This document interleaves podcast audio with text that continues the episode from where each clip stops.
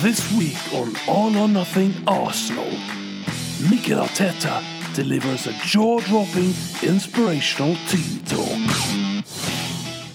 Guys, listen, listen, guys, listen, listen. Football is a game. 11 people on one side, 11 people on the other side, and the winner, guys, listen, guys, is the one who scores goals. And get behind the scenes when Gunnosaurus gets the boot. So we're unfortunately gonna have to let you go. No. Yeah, yeah, but, but thanks for everything. Yeah. Gunnosaurus not happy. Gunnosaurus sad. No. You, you don't have to use that voice now, Paul. You, you're out of work now, so. Okay, okay. Should I just leave the suit right there? Yeah, just Uh, drop yeah, it. Drop okay, it on your all way right. out. Yeah, yeah. Relive all the joy and celebration and passion from Arsenal's 2-2 draw at home to Crystal Palace.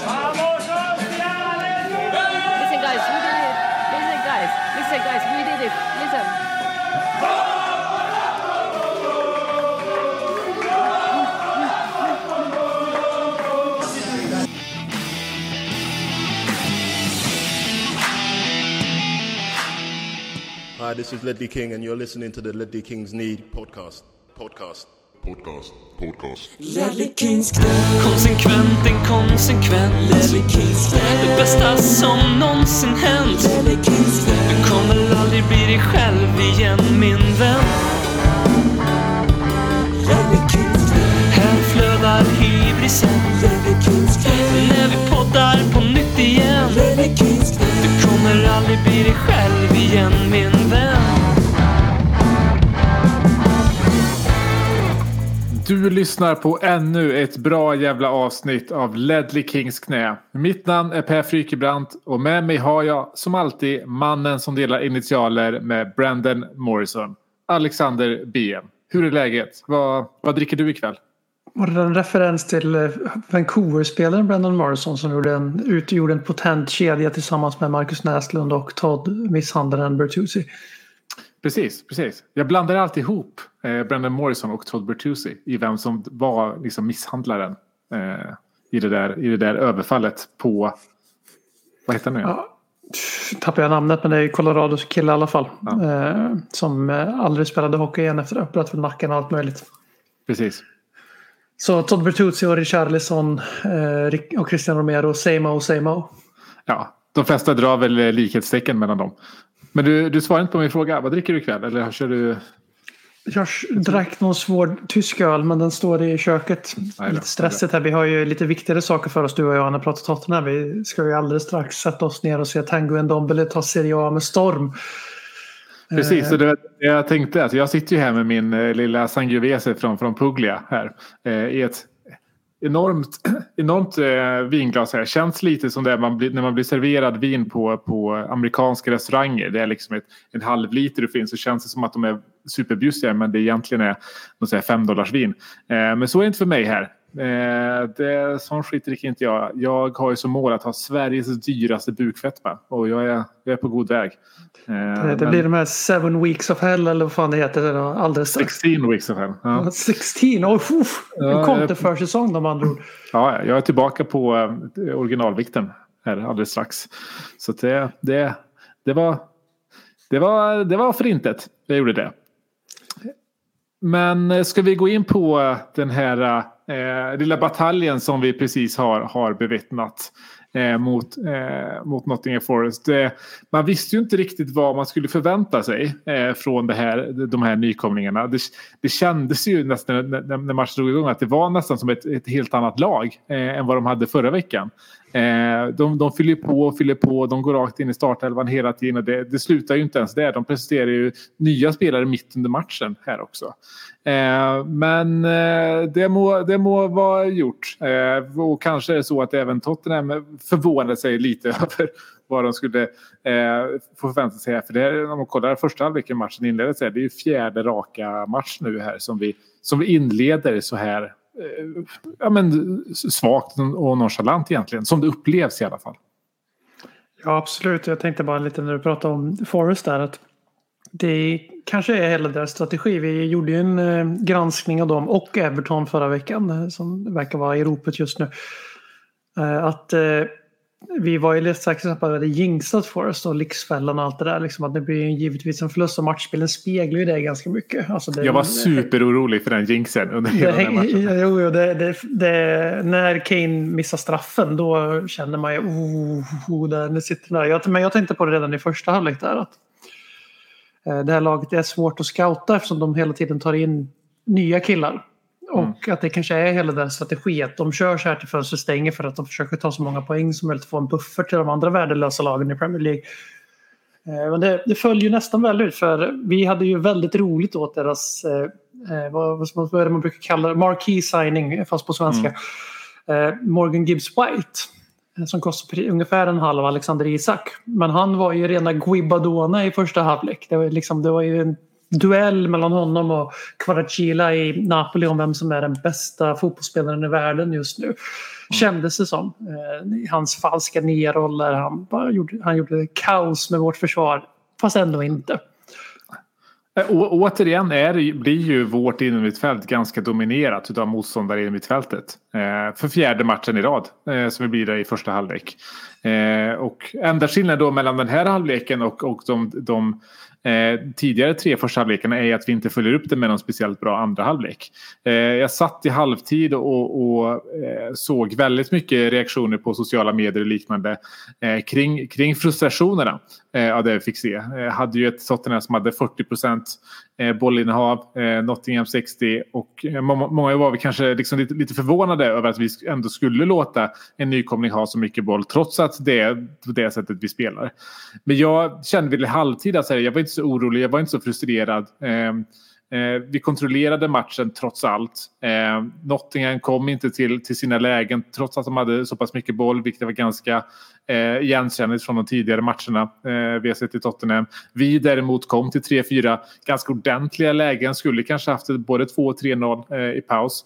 Eh, och, och kändes lite så här allmän konteboll så som konteboll är ibland. Och det, det, ska få, det, det är okej, det, ska få det ska få se ut så. Eller det, det, det måste få vara okej i alla fall.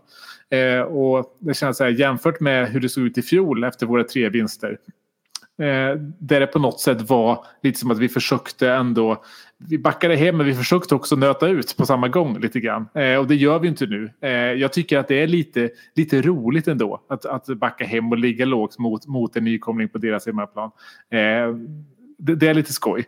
Eh, men när vi säger andra halvleken drog igång då blev jag lite mer av den här pessimismen, pessimisten som jag själv kanske reagerade på i halvtid när jag såg mönstret mycket, mycket tydligare. Eh, såg och blev, eh, har blivit ganska orolig för hur distributionen får från vår försvarslinje ser ut. Eh, vi var inne på det i förra avsnittet. Eh, men jag tycker att det är ett ganska stort oros, eh, orosmoln faktiskt. Eh, det gör att vi inte kan utnyttja våra omställningar ordentligt och det gör att vi har ganska svårt för, eh, för att han, hantera eh, motstånd, motståndares offensiva press helt enkelt. Och vi, vi har också mött ganska pressstarka lag nu i inledningen.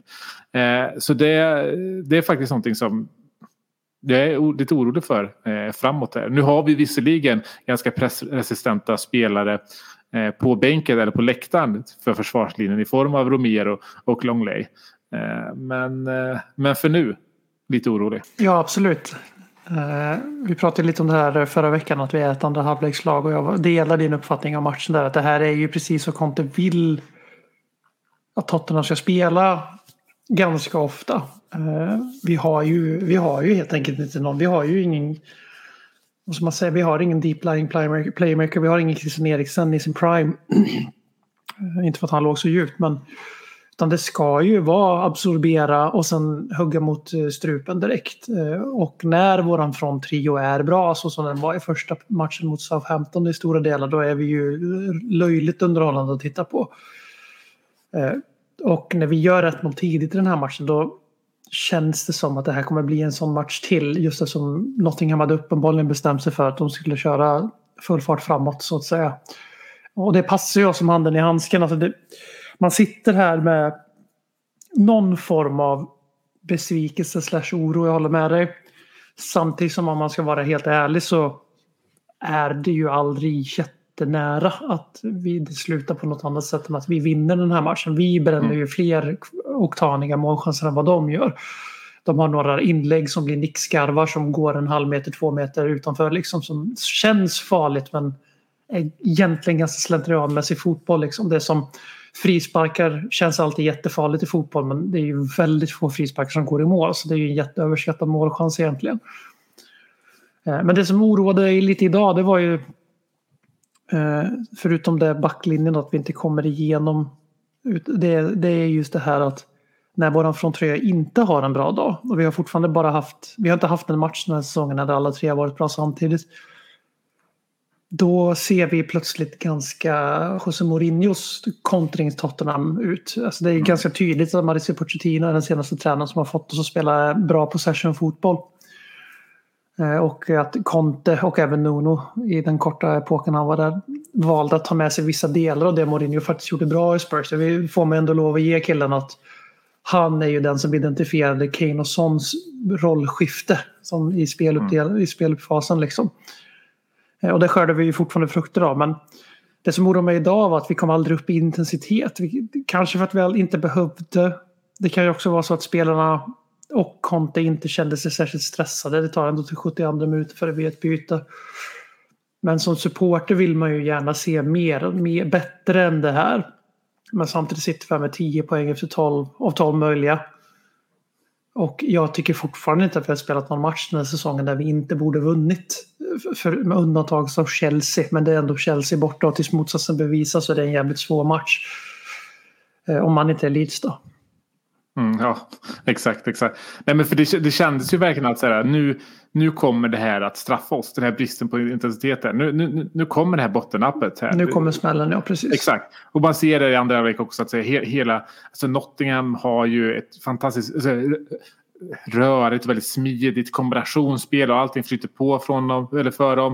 Eh, vi får den här straffen. Kane gör sin första straffmiss på 22 försök. Ganska dålig straff. Eh, och de får inte den här utvisningen. Steve, Nej, det, det var Steve ett tema i matchen att de inte en- fick ut utvisning. Ja, men Steve Cook gör ju en Steve Cook-räddning. Han har gjort den där förut. Han gjorde det senast de var uppe i Premier League. Eh, då var det med Bournemouth i och för sig. Eh, men jag, jag, först, jag, först, jag förstår inte hur det inte blir det. För de, för de som inte står det, han, han drar upp och gör en, liksom, en räddning med handen. Ser ut att vara supermycket eh, med, med flit. Eh, spelar ingen roll om det liksom bara är en eh, liksom, ren reaktionsgrej. Det är, eh, det, är liksom, det är resultatet som spelar någon roll. Eh, och jag antar att anledningen till att det inte blir rött är just för den här diskussionen och beslutet man har tagit kring att inte dubbelbestraffa eh, i, i straffområdet. Och eh, jag, jag kan inte förstå det överhuvudtaget. Varför ska man inte kunna få dubbelstraffa? Alltså det, det, det, här, det, här är ju, det här är ju sånt du ska dubbelbestraffa. Dubbelbestraffa ska du göra när någon gör... Det här är ju liksom precis likadant som en Suarez hands i liksom VM, en VM-kvartsfinal. Eh, eller som den, den handsen som Steve Cook fick här i, i då för tre, tre år sedan eller när det var. Eh, alltså det... Jag, jag förstår inte varför det här inte ska dubbelbestraffas. För, för bryter du så tydligt mot reglerna för att förhindra ett mål. Det här är ju en målchansutvisning. Det är värre Ja, det är- går inte att säga. Alltså det, det, alltså det, han slår ju alltså bort bollen från Kanes panna och Kane är inte ens en halv meter från mållinjen. Jag har svårt att se att Kane inte gör mål annars. Liksom. Och nu missar ju han straffen och då blir det den här att då blir det helt plötsligt en underbestraffning. Eh, Den här tanken med att inte överbestraffa det kommer ju från det här när, när man svartvitt tolkar regeln om frilägesutvisning slash målchansutvisning i oftast då i tacklingsform. Och vid något enstaka tillfälle varje säsong så händer det att någon åker på en, händer det att någon åker på en diskutabel sån. Fick ett rött och ett mål i röven på straffen efter första kvarten och så är den matchen död. Mm. Men här blir det ju tvärtom. Alltså det ger ju Nottingham en jävla skjuts i, i matchen och det kostar ju nästan Tottenham två poäng. Och vi, vi som var med förra säsongen vet att det är sådana där grejer det kan vara skillnaden mellan Champions League och Europa League. Det var skillnaden när Hugo Lloris knep Aubameyang straff för någon säsong sedan och sådär. Liksom. Så det, det är problematiskt. Och Kane sa ju det efter matchen också att eh, ja, om det där inte är målchansutvisning då vet inte jag vad det är längre. Liksom. Ja, Eh, man får faktiskt ge honom rätt därför. eh, Det är, ju, det, det är klart att det ska vara rött kort. eh, Och det ursäktar ju inte våran relativt timida insats. Det är inte därför det ser ut som det gör. Vi vinner ju till slut kassaskåpssäkert i slutändan ändå.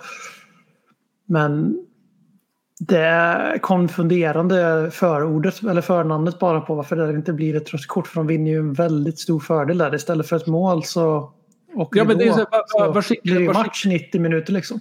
Ja, och vad skickar du för signaler med det? Det där säger du att du får ju göra en Suarez. Du Ja, ja. riskerar ingenting om du gör en Suarez. Alltså, vi, kan ju så- också, vi kan ju också vara helt rörande överens om här att om Kane hade nickat bollen först på handen då hade det varit rött kort direkt. Det, är- det är exakt samma utfall. Enda skillnaden är att Kane inte tar bollen först. Han, Eftersom han inte får chansen att göra. Men hade Kane snuddat den mot mål och Cook har handen exakt han hade handen då hade ju domaren dömt straff och rött kort direkt. Det hade inte ens varit en diskussion. För då hade det varit det här att han räddar ett skott. Men det, då kan man ju säga att du vet ju försvarare nu att fan boxa bort bollen om det är ett farligt inlägg. För det blir ett straff och gult kort istället för mål. Liksom. Exakt, exakt. Nej, det är- Och det är ju värt om du står på mållinjen. Liksom. Det är bara att boxa bollen. Alltså gör en Luis Suarez. Det är budskapet från domaren idag. Ja, det, det är ju det. det, är det. Eh, men ja, det är klart, den här, den här situationen den, den får ju lite liv i matchen igen när man känner att det här kommer vi tappa. Men så är det ju faktiskt så att det, det ser ju, trots det här bristande intensiteten så ser det ju Även om eh, Nottingham har ett ganska ordentligt tryck, det ser ju fortfarande väldigt solitt ut defensivt. Det är Ja. inte många klara målchanser de får till, om ens något. Och Sanchez nu har ju stått för sin, vad är det, 103 nolla i rad. Och sånt där. Ja, nio timmar. nio timmar nu. Eh, och, och det är ju faktiskt så att eh, det visar ju sig att det är okej att ge Nottingham den här typen av eh, ja, men bollinnehav helt enkelt för att de har inte kvaliteten i laget. Eh, än, än, än så länge i alla fall. Kanske snart, vem vet till nästa vecka? Eller om två veckor. Jag får ta och värva fem, fem, sex gubbar till vet du. Så då Exakt. jävlar. Exakt. Eh, men så återigen då så kommer ju Richarlison in och förändrar matchbilden. Åter en gång. Eh, han kanske inte gör det helt själv men det är när han kommer in som matchen förändras igen. Ja. Eh, jag, eh, jag älskar honom. Eh, jag älskar honom. Jag älskar hans attityd. Han går in direkt, filmar, låtsas att han har fått ett slag i pungen, ligger ner och maskar. Sen trixar lite grann med, med, med bollen, eh, blir nedsparkad och gör en liksom, eh, saltomortal och sen så eh, gör han sin eh, då assist där, där han springer ut, hämtar bollen alldeles själv, kommer tillbaka. Superlugn, precis som vi pratade om förra veckan. Känns som att det inte är någonting på sina axlar. Går in där och gör en Quaresma yttersida i den helt fristående Kane som bara lägger in den på, på, på pannan.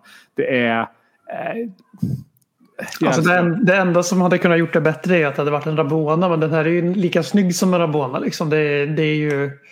Ja, men, nej, men det här, är- jag tycker att det här är, ja, men det här är bättre än en Rabona. För en, en Rabona är ändå lite påklistrad. Då är det så här, du gör Ja, det är lite för- forcerat. Ja, du vill showa. Här, det, det, det Charleston gör, han bara säger äh, men liksom, superlugn. Han bara, nej men kolla på mig, det är det här jag ska göra. Jag har besök här av en väldigt eh, ivrig katt. Som eh, är ett stort fan av Richarlison. Så han hörde hans namn för många gånger så kom han in när han gjorde ett gästspel. Eh, men eh, Richarlison är ju den brasilianska Erik Lamela. Det går inte att komma Ja. ifrån. Det.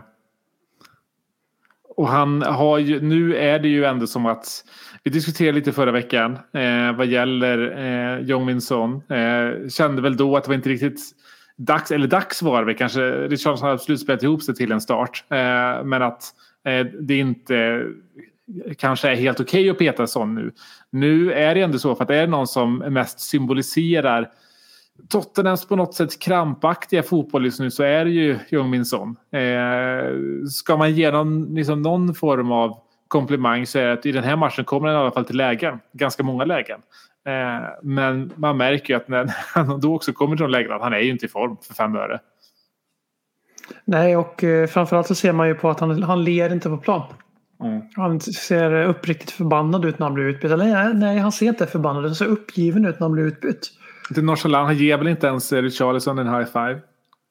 Nej, Och eh, han har inget självförtroende. Han blir ju frispelad av Emerson Royal där. Nu är han offside i och för sig. Men han blir ju helt sopren och liksom springer sig två decimeter ifrån Henderson och chippar bollen i bröstkorgen på honom. Det är inte, det är inte sån. Liksom det, är, det här är en kille som lever på att systematiskt överprestera sina expected goals. Eh, och det där är ju så nära en, en 1,0 du kan komma i öppet spel. Eh, det är inte som en straff som är 0,9 tror jag, som att över 90 procent av straffar sitter. Men är inte långt ifrån och han eh, det är ju inte ens nära att bli mål även om det nu var offside. Liksom, så, eh, men han är mer involverad, och skapar mer eh, och diskussionen man behöver ha en sån här det är liksom ska han spelas i form eller ska han bänkas i form? För det är klart att han kommer vara en nyckelspelare och vi ska åstadkomma någonting den här säsongen. Om han inte är det så kommer vi inte åstadkomma någonting. Men jag vet inte. Jag, tycker att, jag tyckte att det höglyste eller eftertryckte att vi kanske fortfarande är lite tunna på en viss position i planen och det är ju där uppe. Vi har Richarlison på bänken idag, sen har vi fem backar och tre målvakter i stort sett. Mm. Ja, men det, det, det, är ju det. Eh, och Eh, han är, alltså, så vi pratade om det förra veckan, men han är ju verkligen en sån som han behöver ju, han, han har ju de här streaksen liksom. Den, den går 5, 6, 7, 8, 9, 10 matcher utan att göra någonting. Och, men den typen av spelare, jag tror inte att du kan bänka honom i form. Jag tror bara att du kan spela honom i form. Och det är det som gör det så, så, så knepigt nu. Hur man ska agera. Sen så kommer vi in då där det är ganska lägligt för Richarlison kanske i den här ganska tajta, eh, tajta spelschemat nu då. Med match på, mot West Ham redan på onsdag, sen Fulham igen på lördag och så vidare. Så det är ganska rimligt läge att, att börja göra den här rotationen. Eh, men det ska väl också vara lite oroande för, för Son. Eh, just för att säga, han, han behöver spela för att komma igång och han kommer nog inte kanske få den, den tiden om han fortsätter så här. Jag skulle kunna tänka mig att de får varsin start i veckan. Eh, och att Son skulle roteras ut för Dejan Kulusevski det var det nog inte många som trodde inför säsongen. Eh, sen blir det väl någon spelare till. Bentancourt tror jag kan hamna på hjärnskakningstrappan så att han lär inte spela mot West Ham. Såg lite så ut. Jag missade själva situationen men jag såg ju sen eh, efteråt hur de höll på där. Ja, nej, han, han, det var ju medicinska teamet vägrade, alltså, vägrade ju låta honom kliva på igen och det är helt rätt. Eh, mm. Han ska inte kliva på igen. Om, vi har sett det med Jan Fertongen. AIK såg det i Allsvenskan för någon vecka sedan när Milosevic stressades tillbaka, fixade 45 minuter och inte satt röken av hans sen liksom. Mm. Så att det, det, det, är ganska allvarliga grejer och eh, det tyder på att han inte spelar, kanske inte spelar någon av matcherna. Eh, och vi är, alltså är där är vi också lite tunna eftersom att Skip är fortfarande borta.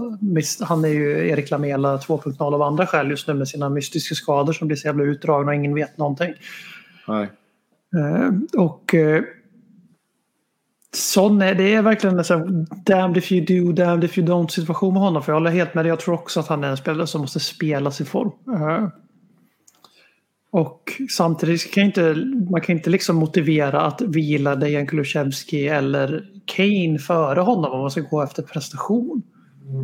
Sen kan det ju bli så ändå just eftersom att eh, Dejan och eh, Kane spelar mycket mer än sån. Som har blivit utbytt nu tre matcher i rad relativt tidigt för att vara sån. Och i alla fall har det varit matcher där vi fortfarande skulle behövt någon som har ett mål i sig från ingenstans. Så det mesta ja, det, har inte varit, det har inte varit matcher där det var liksom, vi leder med 3-0. Om du vill, liksom. Utan det har ju varit när matcherna har stått och vägt. Ja. Eh, och det säger ju ganska mycket. Och jag tror att det är det som Sons minspelaren blir utbytt i den här. Att man ser så tydligt att han inte har självförtroende. Att han inte njuter av sin fotboll just nu. För han fattar ju också att han blir utbytt när matcherna står och väger. Att man tar in Richarlison för att han är en game changer. Och Son är den man plockar av. Eh, jag var ju helt övertygad om att Richarlison var värvad för att sätta press på Kulusevski eller kanske till och med förpassa honom till en mycket svårare andra säsong i England. Och att Conte inte skulle vara så nytisk vid det här att Richarlison spelar antingen från vänster eller som nia. Eh, när han gjorde 15 poäng i värdelösa Everton förra året. Eh, men det ser ju inte ut att vara så alls. Och eh, vi får se. Jag tror att Son inte spelar. Något av derbyna här till veckan så kommer han att inte starta. Det är jag ganska säker på. Nej, men det, är lite, det är lite ironiskt nu att, att gissa startelvorna. För det är ju alltså det är, det är klassiskt Conte eh, icke-rotation nu. Mm. Eh, med, med, med, samma startelva hel, alla de här fyra första matcherna. Förutom då eh, Perisic. Och nu, eh, nu kommer det bli lite rotation. Det kommer då förmodligen bli på Bentancourt. Eh, med Bissouma i första starten hem mot eh, West Ham då på, på onsdag. Eh, kanske, eh, kanske Richarlison. Eh, och en som fick göra då sitt, sitt sin debut här nu eh, med, med Jed Spence. Väldigt fint att se det mottagandet han fick på arenan. Dels en hel del Mm. applåder under uppvärmningen eh, innan matchen. Sen så under hans uppvärmning under matchen och, och sen så också när han, när han byttes in där. Och var ju verkligen på vippen att göra, eh, göra ett mål. Det hade ju blivit, jag ska inte säga att det hade varit ja, jag ska inte säga att det hade varit en Danny Rose-debut. Men det hade ändå haft någonting. Att komma Ja, dit liksom, och, och direkt göra det liksom på första sparken mot sin gamla klubb. Så ändå. Eh, och det är ju någon som vi satt ju här förra veckan och diskuterade lite honom. Jag var nog, även om jag kanske inte sa det, men jag var ganska orolig ändå. Att det har gått tre matcher, han har suttit på läktaren hela tiden. Men sen så har det varit en hel del positiva kommentarer från Conte under veckan här kring Spens utveckling. Att han liksom verkligen eh, ja, men ge, ger allt på träning. Eh, verkar uppskatta allting han ser från honom. Eh, och man ska inte glömma det att eh, Conte är en sån som vill gärna också forma sina spelare i träning utan att spela dem i match. Alltså han gjorde det även med Bastoni tror jag i Inter och bara såg ut honom från starten. Han spelade inte på tre, fyra veckor. Bara för att liksom säga, du ska lära dig att spela min typ av fotboll. Eh, och eh, att det nog är snarare den processen som Jed Spence har gått igenom. Eh, och nu ändå verkar ha, ha, ha klarat av och kommit ut på andra sidan. Så att jag snarare så att nu sitter jag här en vecka senare, men jag var orolig förra veckan. Nu sitter jag och är så här, ganska förvånad över att säga, okay, men vi kanske ändå kommer få kunna se honom eh, göra de här, kanske inte start, starta, men få de här Richarlison-inhoppen i liksom 70 75 eh, under de kommande veckorna här. Ja, vi ser det ju till vänsterkanten hela tiden. Alla matcher så har han sin vana trogen då. Historiskt sett byter ut sin wingback. Eller wingbacks har det ju varit. Men han har ju brutit den trenden i Spurs. Han har gett Royal några minuters vila här och där. Han har varit verkligen ohotad nummer ett. Vilket man absolut inte trodde på förhand. Eh, men han har ju gett Lucas Mora några minuter på wingbacken för han blev skadad. Han har gett nu Jed Spence några minuter på... Han spelar i och för sig inte wingback idag utan han gick nästan in på Dejans roll. Men Eh, vilket kanske säger en del om vad, vad, eh, vad Conte ser som styrkor kontra oh, frågetecken i Jed än så länge. Men det som, är, den som ska vara oroad uppenbarligen det är ju Matt Doherty som har gått från att vara Ja, Frågan är ju... Frågan, fyra i ranking. Då Herto Carlos. Nej men det är ju verkligen frågan vad som har hänt. McKinnon här inför den här säsongen kände att han var en ganska ohotad etta på den positionen. Ja, för Royal är ju inte en Conte wingback. Det spelar ingen, alltså, han har sina Nej. förtjänster och han har sina tydligare brister. Han får alldeles för mycket skit. Han har, blivit, han har fastnat i det här facket där folk bara bestämt sig för att den här killen ska vi hacka på oavsett vad han gör. Vi Tottenham-supportrar verkar ha massa kroniskt behov av det. Precis. Men han är ju ganska tydligt vår svagaste spelare i den, när vi spelar vår bästa elva. Så att säga. Alltså Conte 11, då är han ju jättetydligt den man vill byta ut först. Alltså ersätta Absolut. med någon annan. Absolut. Och jag tycker så här, han har tagit jättestora kliv i, Ja, in, inför den här säsongen och, och spelar utifrån hans mått mätt väldigt bra i de här matcherna vi har spelat nu. Men man märker ju att det är ju i, alltså när jag pratar om distributionen från försvarslinjen så är han definitivt en av dem jag liksom syftar på. Så. Ja, och, och det är det som... Och det, och det, ja, ex, ja, men exakt. exakt. Alltså, du, du lägger inte press på vår, på vår högerkant för att du vill att spelet ska, ska utgå från vår högerkant. Eh, och, eh, men det är därför det är konstigt för att eh, Matt Doherty är en sån som ändå gör den typen av grejer hyfsat bra. Och det är därför man trodde att han skulle vara första valet. Och så kommer han in den här säsongen. Han spelar ju knappt på försäsongen. Han har inte fått en minut här än. Och, och vår, vår nya värvning i Jed Spence får minuter innan honom. Lucas är- Moura får Lucas minuter på- får minuter på wingback eh, innan honom. Eh, och då är det frågan, är det att han inte har repat sig riktigt från skadan? Vilket är så här, ja men i så fall hade han inte varit med alls under, alltså han, hopp, han, han var ändå med under första säsongen, han spelade under Han spelar i Israel exempelvis. Ja, var hade han inte varit helt, varit helt repad så hade han inte varit med där, tänker jag. Eh, men det, det kan ju vara möjligt att säga, vi vet ju med den typen av det var ju, eh, den typen av korsbandsskador kan ju vara så att du, eh, du kommer tillbaka men du kommer ändå inte tillbaka på något sätt om du fattar vad jag menar. Att du inte blir, blir du själv. Det kan ju vara någonting sånt. Eller så är det helt enkelt att eh, Conte gör så som man har sett med, med andra spelare med wings liknande som man tror kanske är spelare som eh, har, har den här Conte-intensiteten i alla fall i träningen och i alla fall i viljan i sig men inte egentligen riktigt har det. Ja, nej, det är, någonting är det ju. Eh, Och eh, det ska bli spännande att se vem, vem som faktiskt får spela till höger de här matcherna. För jag har svårt att se då i alla fall tre starter. Det är ändå tre matcher på sex dagar vi pratar om. Liksom. Eh, Och det, det blir spännande att följa. Jag känner ju lite att öppnar ju upp en ganska oväntad lösning där vi kanske säljer Doherty. Eh, beroende på hur homegrown-kvoten kommer se ut när allt är sagt och gjort. Det går ju lite rykten om diverse spelare åt, i båda riktningar från klubben så att säga. Och, eh, eh, man hoppas ju nästan för Matt Dohertys eftermäle som det någon gång kommer bli tal om i Tottenham såklart som för alla andra.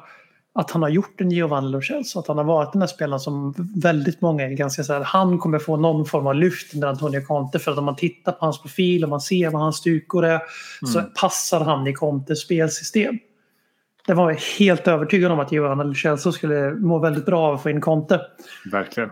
Han Verkligen. startade en match mot Chelsea efter att ha gjort ett väldigt piggt inhopp i, när vi i och för sig var re- rejält usla mot Chelsea några dagar tidigare. Men han går in och gör ett Richarlison-inhopp. Alltså väldigt amerik- sydamerikanskt inhopp i Tottenham. Liksom att man går in och ändrar matchbilden på något jävla vänster. Oftast genom att sparka ner någon och grisa. Mm. Och sen så startar han några dagar senare och sen några dagar efter det då är han utfryst och skeppat till VRL. Så att, det kanske är, alltså Matt Doherty kanske är samma grej. Han bestämde sig efter de här fem matcherna han hade under Conte att han var riktigt bra. Han bara, jag är, jag är Matt Doherty, jag har tagit tröja nummer fucking 10 i Irland, jag är Robbie Keens arvtagare, jag är för stor för det här. Jag ska inte spela, jag ska inte sitta på bänken bakom den där jävla sopan från Betis. Eller Barcelona tekniskt sett. Och sen sa Conte bara, okej, vi väntar tills Cremonense lägger ett bud på dig din jävel så kan du dra. Ja, men lite, så- det känns ju som att eh, han skulle aldrig tagit nummer 10 i Irland. Liksom, Nej, det var, det, där, gick, det, var där, det var där det gick ut för. det gjorde ju verkligen det. Alltså, när, när, när en back tar nummer 10 då vet man bara så här. Du, du, du är inte en kontespelare.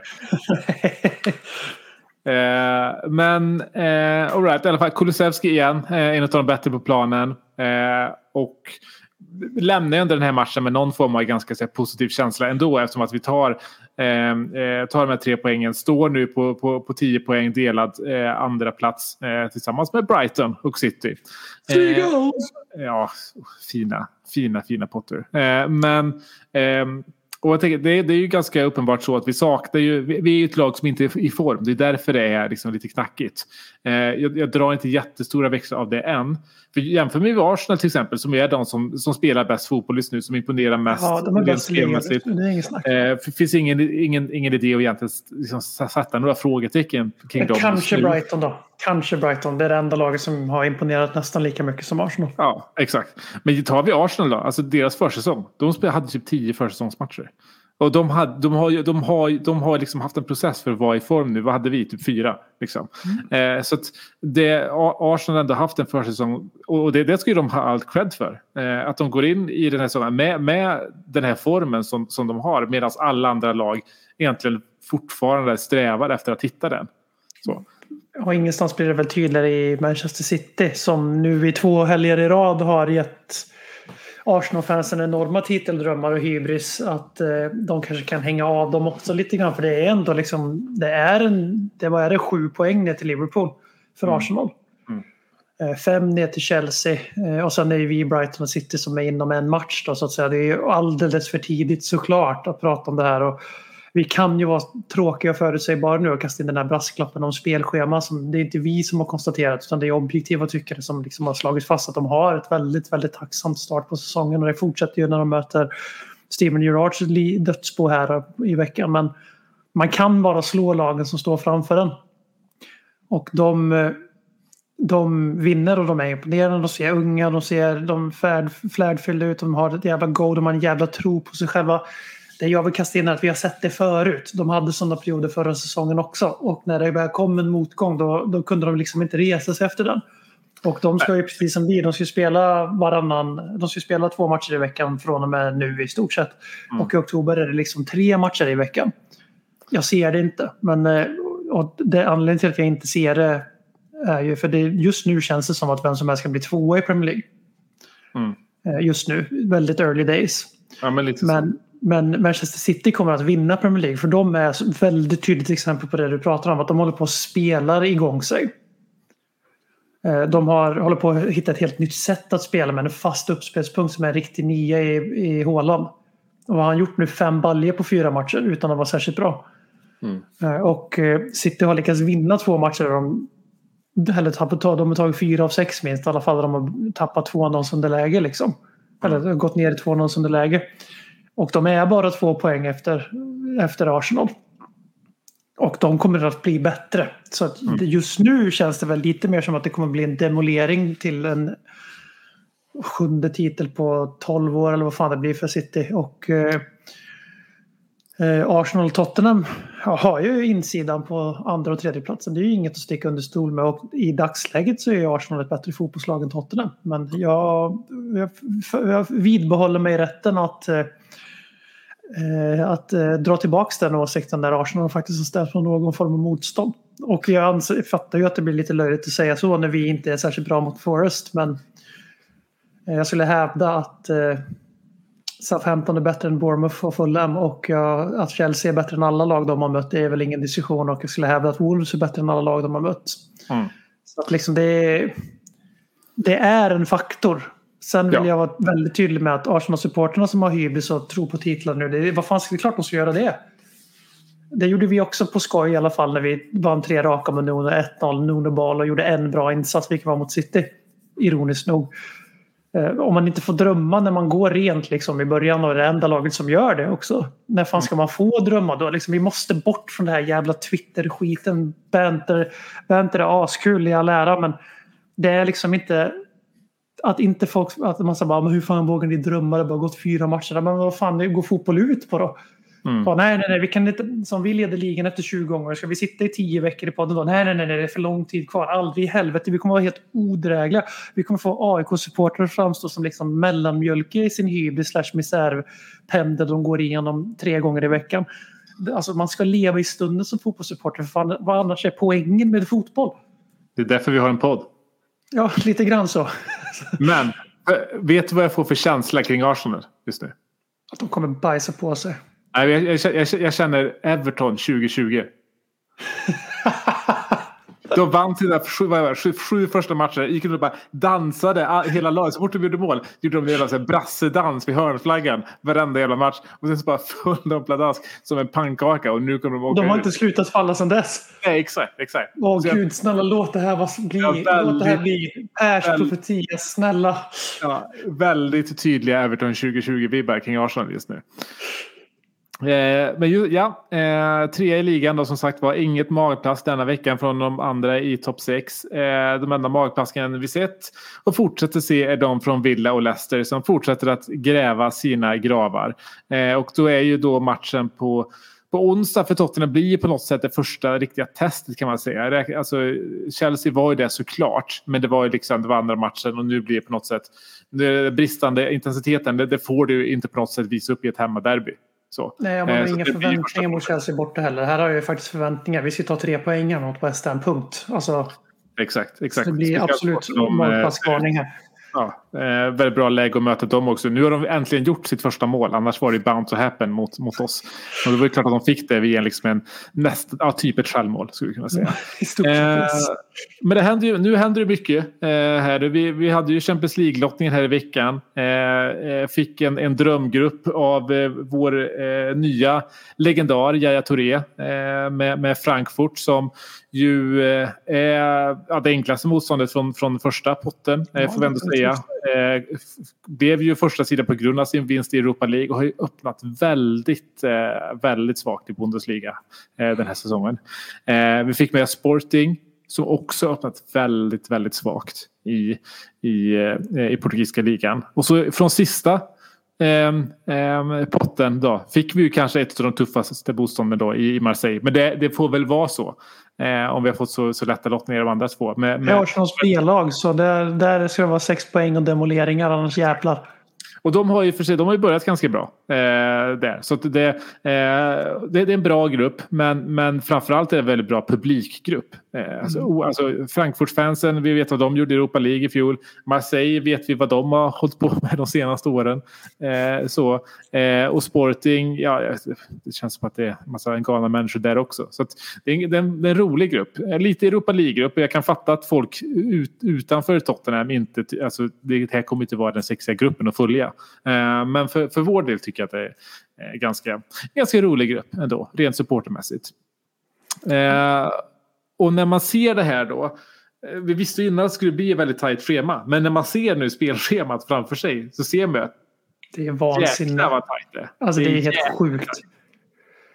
Så om vi behövde en påminnelse om varför det är ett jävla hån mot fotbollens integritet, historik och allt vad fotboll står för. Att man spelar ett jävla VM mitt under säsonger i Qatar. Eh, som ändå kan klås av Saudiarabien i... Eh, eller ja, Ryssland hade varit ganska olägliga men de har ju precis haft VM. Så det, så det är väl topp tre-listan liksom på vart man inte ska spela VM och var man inte ska pumpa in miljarder och hålla på rent rentvätta. Men den här gruppen är ju direkt livsviktig för våra chanser att ha tvåfrontskrig den här säsongen. Alltså, nu ska vi, inte, så vi vet alla mycket väl att vi, vi åkte ut i gruppspelet i Conference League förra säsongen. Liksom. Eh, tack Uefa för att ni skrivbords VOade oss bort för vi låg ju jävligt pyrt till oavsett. Vi behövde väl slå eh, gruppsuveräna Rennes liksom, rätt rejält för den som har en chans att gå vidare som grupp tvåa. Liksom. Så det, det blev bra i slutändan. Men eh, att eh, hade vi fått en sån här grupp som man drömmer om på ett sätt liksom, då, då hade det ju varit väldigt svårt för Conte att rotera i den grad som behövs. Nu finns det en möjlighet för det. Det är ingen garanti att vi går vidare i den här gruppen. Vi är givetvis skyhöga favoriter. Men det är en jävla skillnad att veta att man ska möta Frankfurt med all respekt för dem och deras fans kommer ju få Alltså kommer ju skämma ut Tottenham-publiken. Vi kommer ju liksom få, få skämmas över att man, hur dominant, dominerade vi kommer bli på läktaren. Eh, I och för sig sant för typ alla engelska klubbar. Men det är sant för alla engelska klubbar. Men eh, det är så här att eh, det är en... Jag, kan liksom, jag kommer inte ligga sömnlös inför tanken att Royal, eh, Skip och Richarlison och Mr X, den offensiva värvningen som lär komma in, startar istället för Son, Spence, Höjbjerg eller vilka fan det nu blir som vilas för de här matcherna för att vi kan slå de här lagen. Och det kan vi inte säga om vi hade haft Real Madrid på lotten. Då hade vi bästa laget så hade vi varit chanslösa kanske ändå. Så att det är en jävligt bra lottning och som du säger väldigt fina bortaresor på, av olika skäl och väldigt fina bortaföljen av olika skäl. Eh, Så att det, det är en kul grupp och eh, det är eh, om man ska vara ärlig så, så blir jag bara påmind om hur mycket roligare Europa League är än Champions League. Egentligen. Men jag hoppas att vi slipper att bekanta oss med den turneringen just den här säsongen. Ja, exakt. exakt. Ja, och det, det, är liksom, det drar igång så det är bara näst, det är nästa vecka den drar igång. Eh, så så det, det, det är bråda Det är klart dagar. före VM-gruppspelet. alltså det är absurt. Eh, och så stänger transferfönstret här också och där händer det också en hel del nu. Eh, inte bara i, i Tottenham utan även eh, på andra håll. Eh, det största är ju eh, det är väl den dyraste svenska genomgång, eller övergången genom tiderna va? Med Isak Det måste det vara va? För jag tänker Zlatan i rent värdemässigt till Barcelona är ju större. Men det var väl 60 miljoner euro plus i to. Och det är klart Mm. att det är värdemässigt mer. Men rent i pengamässigt så slår ju Isak det. Mm. Eh, vad, vad tänker du kring, kring den övergången? Alltså det går ju inte liksom att eh, man måste tänka sig frågeställning man har när man går in i det här. Liksom, kan man fördöma eller kan man uppskatta spelaren och samtidigt fördöma projektet? Eh, och det måste man kunna tycker jag. Liksom så här, man ska inte ta ifrån Newcastle-supportrar som har hållit på dem i betydligt längre än de här fyra, fem månaderna de har haft det här förkastliga ägandeskapet.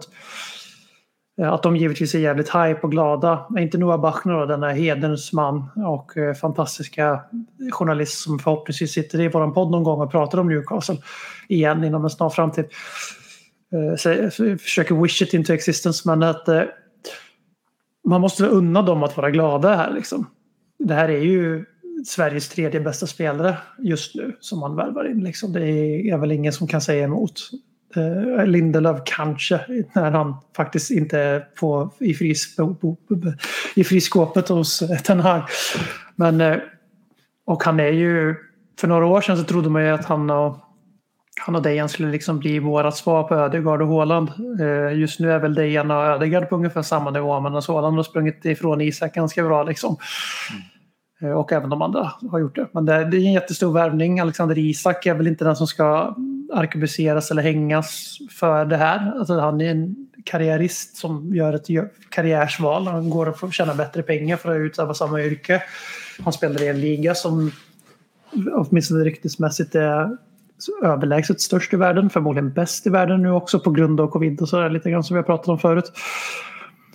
Och han eh, kommer till ett projekt som gör det mesta rätt sportsligt. Eh, varningsklockorna för oss andra var ju när de tog in den här snubben från Brighton. Liksom, då visste man att fan, det här kommer bli på riktigt. Ashcroft. Ja. Ja, Ashcroft, ja precis. Och eh, de har ju fortsatt så tyvärr. Eh, så att sportsligt är det ju jättelockande såklart att gå till Newcastle nu. Och det är väl bara en tidsfråga som gör sin, största, sin, stora, sin första prestigevärvning från en topp 6 Eh, eller som vi snart kommer att kalla det, topp 7-konkurrent. För det är inget snack om saken att Newcastle kommer att göra det här till en Big Seven. Det finns ju inte något annat liksom. Det enda som kan hända är det om någon av oss andra är Big Six. Och det är vi eller Arsenal eller Liverpool. Eller som det känns som att det finns ens en procent risk för det. United, City och Chelsea av olika skäl har, har inte riktigt det i sig tror jag att falla ur. Eh, alltså varumässigt. varumässigt. Eh, så att det liksom jag förstår Alexander Isak på det sättet. Jag förväntar mig att han blir kritiserad. Jag förväntar mig kritiska frågor. Jag förväntar mig att han ställs till, inte till svar, men att han får åtminstone någon form av fråga när han kommer till landslaget i september. Där. Jag hoppas att han ger bättre svar än han gjort hittills.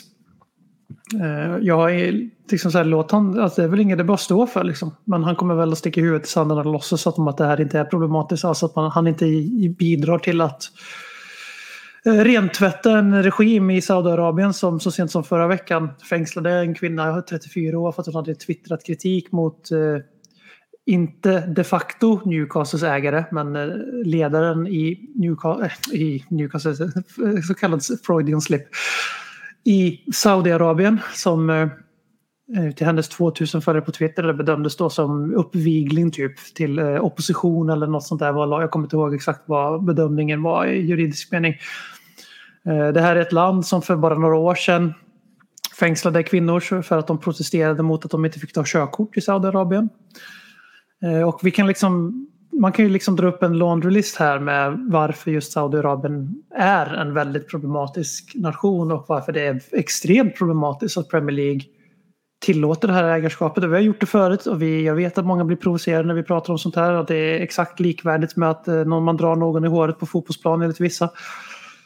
Men eh, faktum kvarstår att om inte vi supportrar belyser, kritiserar och eh, demonstrerar mot sånt här så kommer vi att förlora fotbollen. Och jag kan redan nu svara att Alexander Isak är kanske inte död för mig för han har aldrig betytt särskilt mycket för mig. Han har inte, alltså, det, det, det är klart att jag vill att han ska vara väldigt bra på fotboll när han har svenska landslagströjan på sig. Men det är inte så liksom att det påverkar inte mig så mycket att Alexander Isak gör det här. När Harry Kane tvingar sig till Newcastle när hans kontrakt löper ut eller han går dit som free agent. Då kan vi börja snacka om att det kommer börja hit close to home så att säga. Mm. Ja, men det är liksom för mig liksom helt, helt enkelt så att Alexander Isak har gjort någonting som är moraliskt fel. Sportsligt rätt. Det är väl Newcastle i ett nötskal och eh, kan bemöta arga twittrare som hejar på andra lag redan nu. Ja, våran ägare och lik i garderoben. Ja, eh, det var jävligt osmidigt och osmakligt av Tottenham att lägga en träningsmatch i Israel.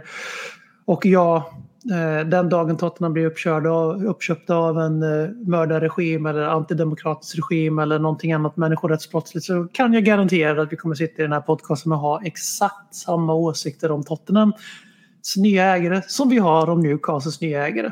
För att för vissa så är inte eh, sportsliga resultat före allt. I alla fall mig. Jag kan låta hur mycket moralkärring och hur mycket höghäst och vit riddare och allt vi kallas på Twitter för det.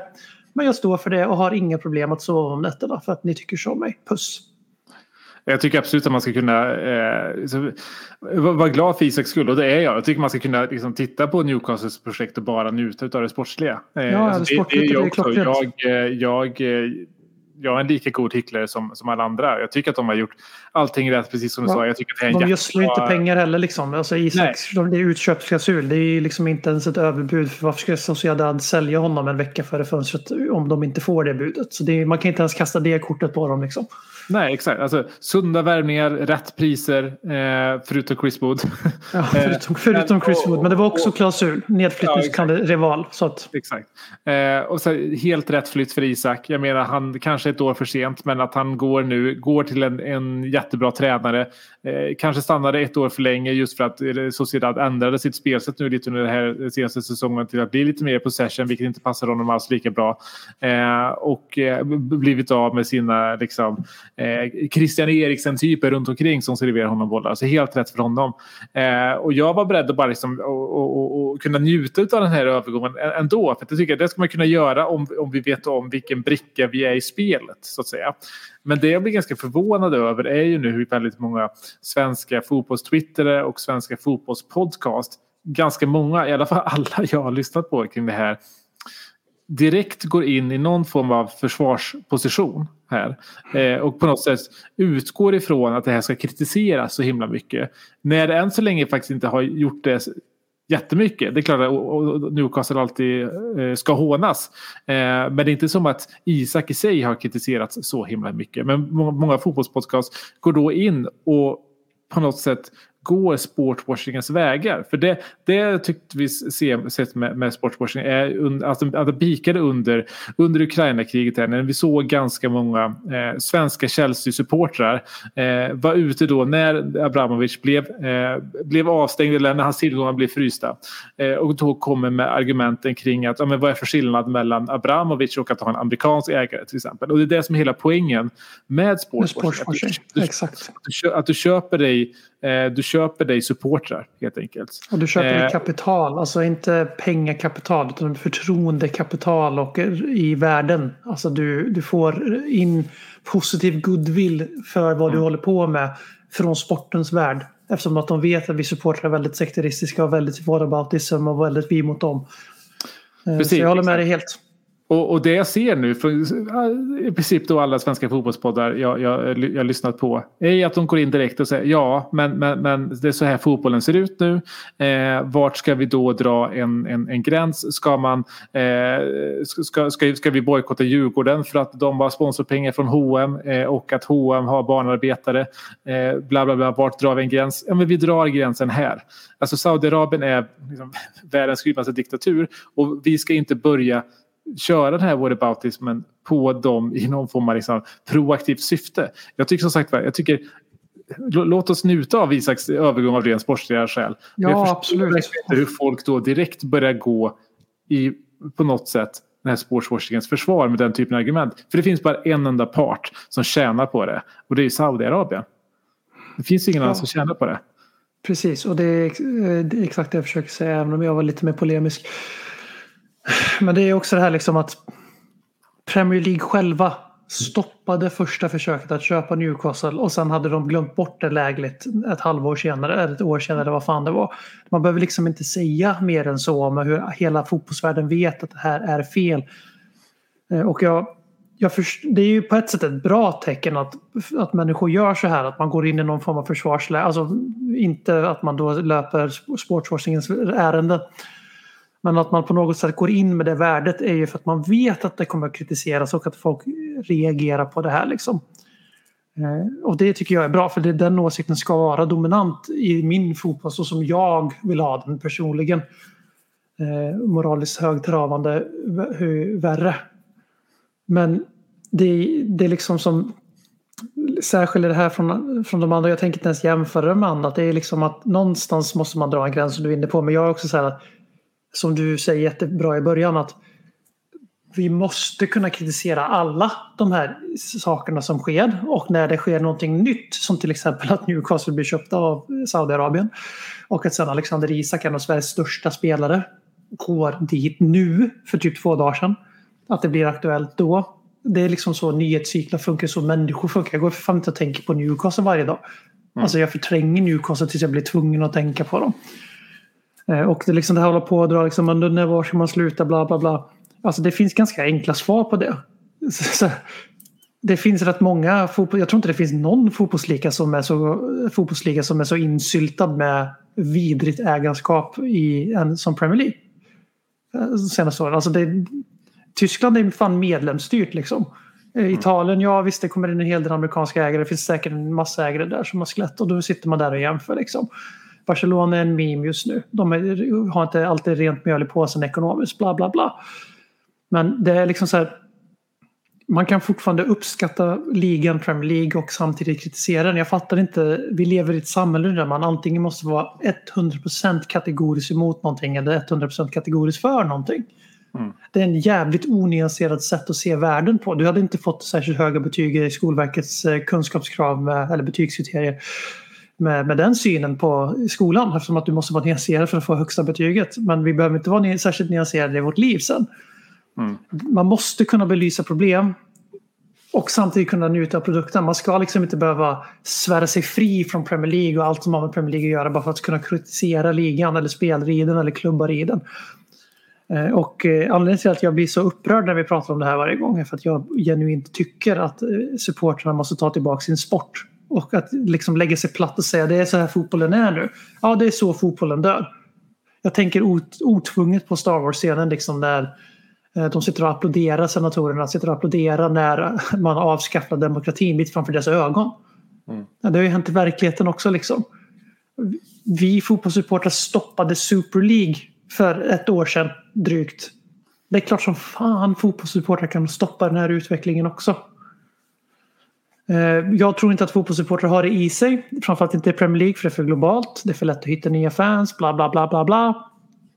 Men det är klart vi ska kritisera. Vad, vad finns vi annars till för? Ska vi liksom bara vara plånböcker för de här människorna? Alla klubbar. Ska vi inte, ska vi inte göra någonting åt saken? Vi ska bara acceptera läget. Det, det, är, så man liksom, det är så man förlorar inflytande genom att bara tyst låta saker vara. Precis, precis. Och då, då, då som sagt finns det med poddarna så säger jag så här, men var ska vi dra? Eh, liksom, alltså, det, det är ingen idé att, att, att stå upp för att fotbollen ser ut så här och vi, vi, man kan alltid hitta liksom, skrupler hos alla. Och det är klart man kan det och vi kommer aldrig få bort det från fotbollen. Det är ingen idé att liksom tänka så ens. Eh, men att när eh, den här typen av diktatoriska, egentligen världens värsta eh, diktatur. Det, det- handlar inte bara om att Saudiarabien, men att när de gör det, när länder gör det för att tvätta sina rykten, då ska vi som supportrar i alla fall inte låta dem tvätta ryktena om de nu ändå tillåts äga klubbarna. Ja, precis. Det är det är inte ett antingen eller. Du säger det så bra. Det är inte ett antingen eller det här. Alltså det, det måste inte vara antingen eller. Man kan göra både och. Ehm, vi, vi, vi släpper den biten och bara går lite in på en annan transfer som, som, som rör upp känslor men kanske snarare lite, vad ska man säga, ja, nostalgiska och det är Delali har lämnat engelsk fotboll. Kanske för gott. det, Kanske. man, man kan inte säga att han inte har lämnat det för gott i alla fall. Eh, eh, flytten till besiktas här som, ja, det, man vet ju inte hur den här dealen med Everton och Tottenham ser ut överhuvudtaget. Jag antar väl att vi får några pengar. Eh, Det är men- vad som sägs. Att vi får var- en ganska stor del av en eventuell försäljning om de inte hade gjort de här 20 matcherna, 40 matcherna och och sådär stegrandet. Men det, eftersom att eh, maxsumman verkar vara 8 miljoner pund. Om de köper dem den sommaren och 6 miljoner pund om de köper dem i januari så kommer vi ta med fan gå back trots att vi köpte honom för 5 miljoner. Han gjorde 50 mål för han var 21. Ja, det, är- det är sjukt. Det är sjukt. Men eh, eh, Lampard har ju gått ut här efter den här flytten och, och eh, ja, eh, sagt några sanningens ord får man väl säga om, om Delle. Att, att problemet med honom är att han helt enkelt inte förstår korrelationen mellan bra prestationer och att, att träna hårt helt enkelt. Han såg honom ganska mycket längs fotknölarna med den typen av citat som han, som han hade. Eh, och Eh, man har ju, alltså vad det är som har hänt med Delali har ju varit ett litet frågetecken. Det har varit lite olika teorier. Eh, alltså det man inte vet men som har pratats om är ju mycket kring hans mentala status. Eh, haft, haft en liksom, eh, eh svår barndom, slog igenom tidigt och man förstår att den typen av grejer kan, kan eh, eh, påverka. Det vi vet är att han hade en ganska ordentlig skada under 2019, kom tillbaka och hade en helt annan kropp. Eh, en väldigt mer eh, muskulös kropp eh, som inte var liksom den här rörliga eh, kvicka Delali längre. Han hade inte längre eh, Christian Eriksens passningsfot bredvid sig eh, etc. Han, han spelade till helt andra positioner. Eh, och det är väl liksom de här många bäckarna små ändå som, som på något sätt gör att eh, det här, Delali kommer bli en saga man berättar i ganska många år framåt. Och tyvärr är det inte en så rolig saga. Nej, han kommer bli nästa David Bentley fast med en betydligt högre topp eh, Och en mycket längre topp. Vi ska inte glömma bort att han hade fem ganska högkvalitativa säsonger i Spurs. Hans femte där får ju ofta ganska mycket kritik. Men så kollar man på siffrorna. Det är James Madison-siffror liksom. Och han hyllas som fan. Eh, Och eh, du är, jag tror du är rätt inne på det att det är skadan som liksom har sänkt hans tak. Men ryktet om honom är fortfarande så högt av rimliga skäl. Eh, När man liksom är, gör 50 mål snabbare än vad Lampard och Gerrard gjorde som är två av de bästa spelarna som har beträtt en Premier League-plan. Liksom. Och två av de sämsta tränarna. Ja, det med. Eh, Och sen tappar man det, den, liksom den spetsen eller den, den sista procenten han behövde fysiskt. Liksom. Och sen så lägger du på all oro i Spurs som det har varit de senaste åren och han högst involverad. Han gör ju bara ett halvår i Everton så vi behöver knappt beröra den liksom.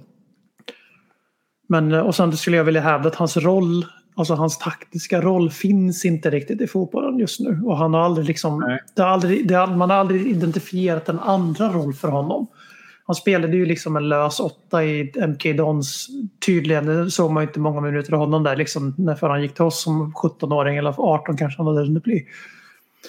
Eh, Men han är ju inte längre han kan, ju, han kan ju vara central mittfältare, det var han under Nuno. Folk glömmer bort att första månaden under Nuno så såg han ut att ha en liten revival. Och framförallt så dödade han ju totalt den här myten om att han är lat. Alltså på träning uppenbarligen, för nu, är det, nu, börjar vi, nu är det två tränare på rad här som... Eller tre, för Conte sa väl sällan någonting positivt om hans träningsinsatser heller. Liksom. Men, så uppenbarligen finns det någonting där. Det var inte bara Mourinho som försökte vara mimig för Amazon Prime. Uh, så den biten är, får vi säga, får vi bekräfta nu. Men att han är lat på plan, det stämmer ju bara inte. Liksom. Det är ju en riktig, riktig, riktig, riktig... fa- Så här, man, man, folk har bara bestämt sig för det narrativet att det hänger ihop och att han är lat på planen också. Det är han inte, han löper hur mycket som helst. Eh, Problemet som jag ser är att han, han fick ju en ny- vår, en väldigt tragisk ny vår under Nuno som sagt eh, i början där. Och då spelade han ju central mittfältare 4-3-3. Mm. Och han var duktig på att springa fram och tillbaks. Men det här är Dele Alli. Han gjorde 50 mål i Premier League som mittfältare för han hade fyllt 21. Det räcker inte för Dele Alli att bara springa upp och ner som en glorifierad eh, Turbo Svensson på svenska landslagsmittfältet liksom. Eh, och jag tror han behövde lämna England för att få chansen att skapa om sig själv. Jag är förvånad att det gick ra- raka vägen ner till turkiska Super League. Eh, det känns som ett för stort fall. Eh, och jag står fast vid, vid någonting jag är ganska säker på har sagts i podden men om inte annat så har jag tänkt det. I alla fall att det är att kommer att avsluta sin fotbollskarriär när hans nuvarande kontrakt går ut. Alltså det han skrev med Everton. Eh, och det känns ju inte längre ifrån att det faktiskt kommer bli så nu när han är i en liga som är ganska känd för att vara liksom en elefantkyrkogård. Eh, Och om på frågan du inte har ställt den men jag vet att du tänker huruvida jag kommer att följa honom med ett öga precis som jag sitter med Napolis match här nu för att se Tanguy Ndombele showa. Så är svaret givetvis ja. Så att om du lyssnar på den här podden och har lite krokar in i turkisk fotboll och vet hur man kan se den i Sverige. Dra ett DM till BM. Ja, eh, vi, eh, vi tackar dig Delle för din, din, tid i England. Jag tycker det är intressant det är när, när fotbollen på något sätt utvecklar, eller när spelare ser fotbollen utveckla sig bort från dem och deras roll inte längre finns. Eh, vilket lite är fallet eh, för, eh, för Delali. Eh, och är ju, han är 26 år nu så att han hade ju varit i Brolinålder då. Lägga av i Brolinålder när hans kontrakt var ut. Eh, nej, det är, det är vad det Upp är. som en stjärna, ner som en komet. Exakt, exakt. Eh, och eh, eh, transferfönstret stänger här eh, om, om några dagar på torsdag är det väl. Eh, kommer nog hända en del, eller no, någonting i Spurs-led i alla fall. Vi ska inte gå in så mycket på det eftersom att eh, när man lyssnar på den här podden så har det säkert hänt en del grejer. Men vi har fått ett here we go för Sergio Regulon till Atletico Madrid eh, på lån. Eh, vi har än så länge, jag vet inte om vi har något here we go på Harry Winks än. Det har vi inte. Nej, vi har ett Gattuso Here We Go på Brian Hill som säger 99 procent att det blir klart. Exakt. Eh, 99 procent av ersättaren Tottenham vill ta in blir klar. Och det får vi se. Eh, vem det blir. Det har ju ryktats en del. Det, Wilfried Zaha eh, verkar på väg bort. Och har ryktats Oj vad jag är redo för att ha honom. En till, en till shithouser. Mm, välkommen till Tottenham Wilfred. Ja. Eh, det snackas med till Chelsea. Ja, snackas Malinovski eh, som också verkar Ma- Marseille. Snackas Daniel James som känns extremt underwhelming. Det har ju snackats Saniolo som har eh, ett rykte som har fötts, som har dött, som har fötts, som har dött igen. Det snackas Madison som eh, väl känns kanske lite mindre troligt nu med, med, med försäljningen av Fofana. Så vi får se helt enkelt. Eh, Rak fråga till dig Per. Ja. Behåller du Brian Schill hellre än att ta in Daniel James? Ja, ja, ja, det är inte ens en fråga. Eller hur? Är Daniel James, eh, Dan James, han homegrown i Premier League? Han är också Walesare, Eh, tänker jag. Bra fråga. Han gick ju till United från Leeds. Så Ja, att jag de, tänkte, ja, han- ja, det måste han vara. han, Men inte borde vara, han borde ju räknas även i, även i Europa, tänker jag. Eftersom att han då... Ja, kanske ta med fan. Det kan Han vara att han är på... några ungdomsår i Leeds där då, tänker jag. Men jag vet, jag vet Ja. inte. Om han, även om han är det, så, även om han inte är det, så att vi tappar en, ja, alltså jag tappar hellre en plats i Champions League-truppen än han har, värvar honom. Jag, jag förstår inte. Behåll Beatle för fan, behåll Ringo.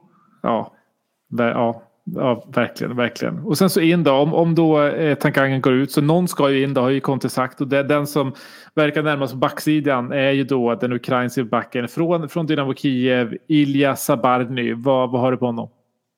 Ett monster på FM22. Eh, tyvärr så det är lyckades jag det är inte det lägga, man kro- har. jag lägger, lyckades inte lägga krokarna i honom för eh, Chelsea köpte honom på spelet och han blev en av världens bästa mittbackar. Så ta det för vad det är värt. Det är, väl klart, vi ska, det är klart vi ska värva honom. Ja, ja, Det, är klart, känns är sexigt med Wonder Han är Kids. Exakt. Eh, men vi får se helt enkelt eh, hur de här sista dagarna utvecklar sig. Det är mycket som händer eh, nu. Det är, det är West Ham, det är transferfönster, det är Champions League. Det är härligt. Det är så här fotboll ska vara. Eh, men vi, vi säger väl så så länge så kommer vi ha en hel del att snacka om om en vecka igen. Ciao! Ciao!